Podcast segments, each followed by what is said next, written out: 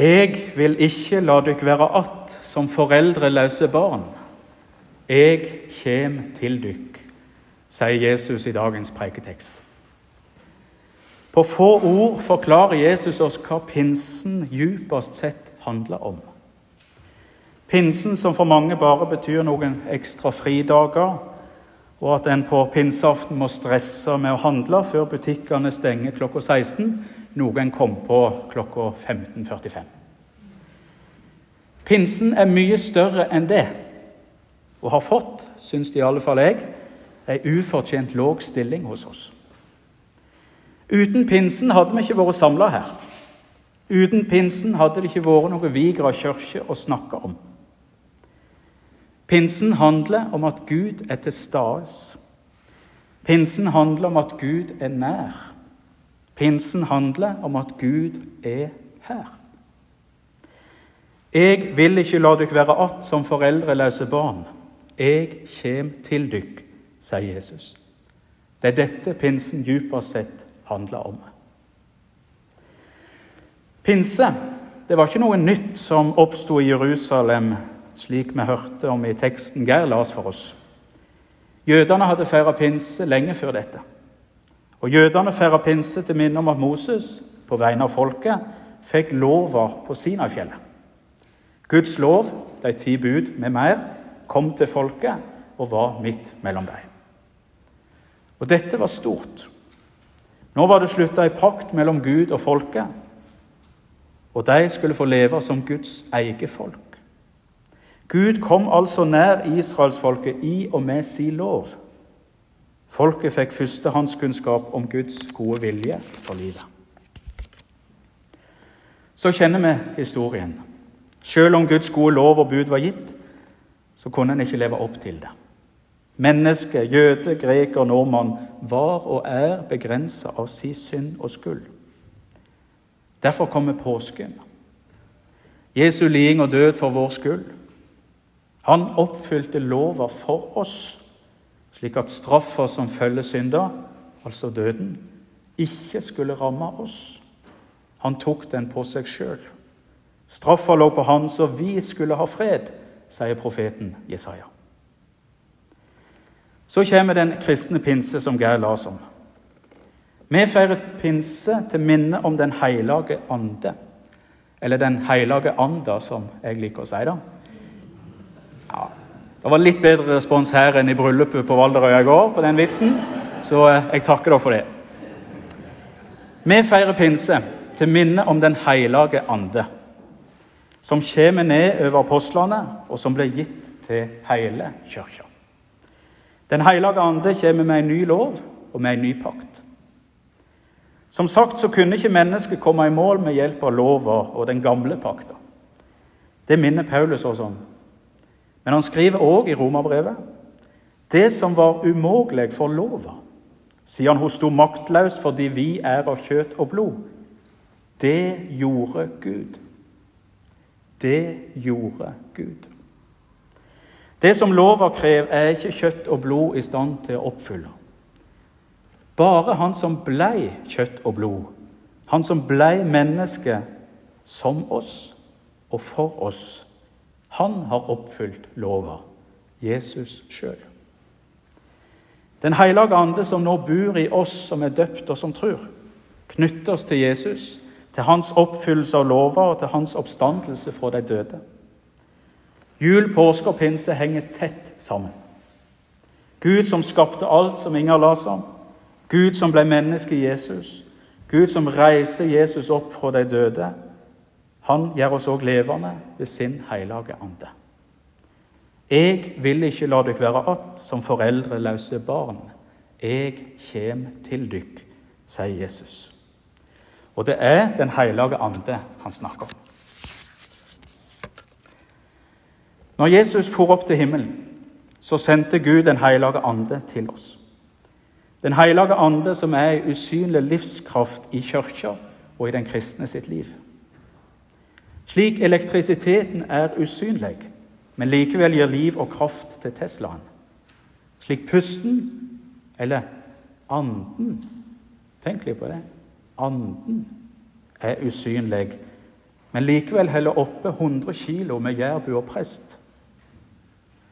Vi ser ikke hva Anden gjør, men vi kan se store konsekvenser av Den hellige ande i hele verden. Den kristne kirka har stått gjennom 2000 år.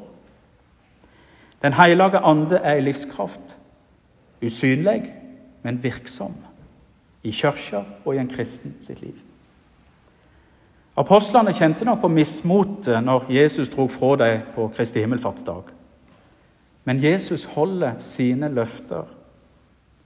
Og Den hellige ande som han lova, og som han også snakker om i dagens preiketekst, kom til apostlene og til kirka. Og kirka eksploderer i positiv forstand. Bare på den første pinsedagen ble flere enn 3000 mennesker døpt og en del av kirka. Og ikke bare det, Den hellige ande sprenger òg grenser mellom mennesker. Biskop Thomas i Egypt han sier det slik.: Den hellige ande sammeiner alle mennesker og lærer oss at det ikke fins utlendinger. Og Paulus understreker det i Galaterbrevet. Her er ikke jøde eller greker. Her er ikke slave eller fri. Her er ikke mann og kvinne. Det er alle én i Kristus Jesus. Pinsen er en grensesprengende dag. En dag som er alt annet enn navlebeskuende. For Den hellige ande er òg kjærleikens ande. Og som jeg minner det flotte brudeparet i Valdres kirke om i går, og som Paulus minner om det i sitt brev til korinterne Kjærleiken søker ikke sitt eget. Kjærleiken søker alltid utover og som vi vet godt her på Vigra, takket være alterordet her framme Gud sjøl er kjærleik. Og Gud søker alltid utover. Alltid utover. Det er pinseunderet i dag et sterkt eksempel på.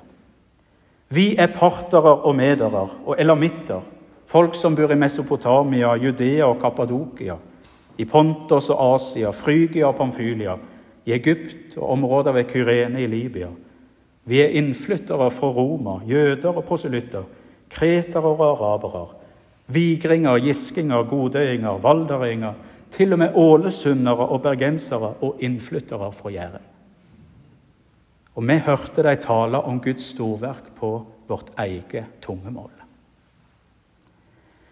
Pinsen, som i utgangspunktet kan virke litt svevende Den hellige andes symbol er jo ei due.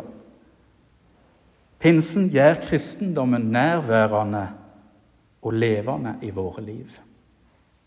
Det er Den hellige ande som skaper tru i oss, som ei gave, slik vi fikk Den hellige ande i dåpen. Vi gjorde ingenting. Det var Gud som virka. Det var Gud som kom til oss. Jesus sier i dagens evangelium, 'Jeg vil ikke la dere være att som foreldreløse barn. Jeg kommer til dere.' Dette er òg en vakker måte å formulere evangeliet på. Pinsen forteller oss om en Gud som ikke lar oss være alene. Han kommer til oss. Han vil være med oss og hjelpe oss i kallet og oppdraget vi har fått om å gjøre hele verden til Jesu læresveiner. Likeens vil han hjelpe oss i det Jesus i dag ber oss om i sitt evangelium. Elsker det meg, så held det båa mine. Guds gode båd gjelder fremdeles, og vi er kalla til liv som bærer frukt, god frukt. Men det er ikke gjerningene som frelser, det er Jesus alene. Men Den hellige ande minner oss om at det kristne livet er et virkelig liv. Et liv vi skal leve ut for at verden kan få se Jesus om ei lita stund ser ikke verden meg lenger, men det ser meg, for jeg lever, og det skal leve, sier Jesus. Sanningsanden vil hjelpe oss til å skilje mellom rett og galt, og kalle oss til omvendelse når det trengs. Den hellige ande er vår talsmann, vår advokat, som det heter på latin, som alltid taler Guds sak inn i våre liv.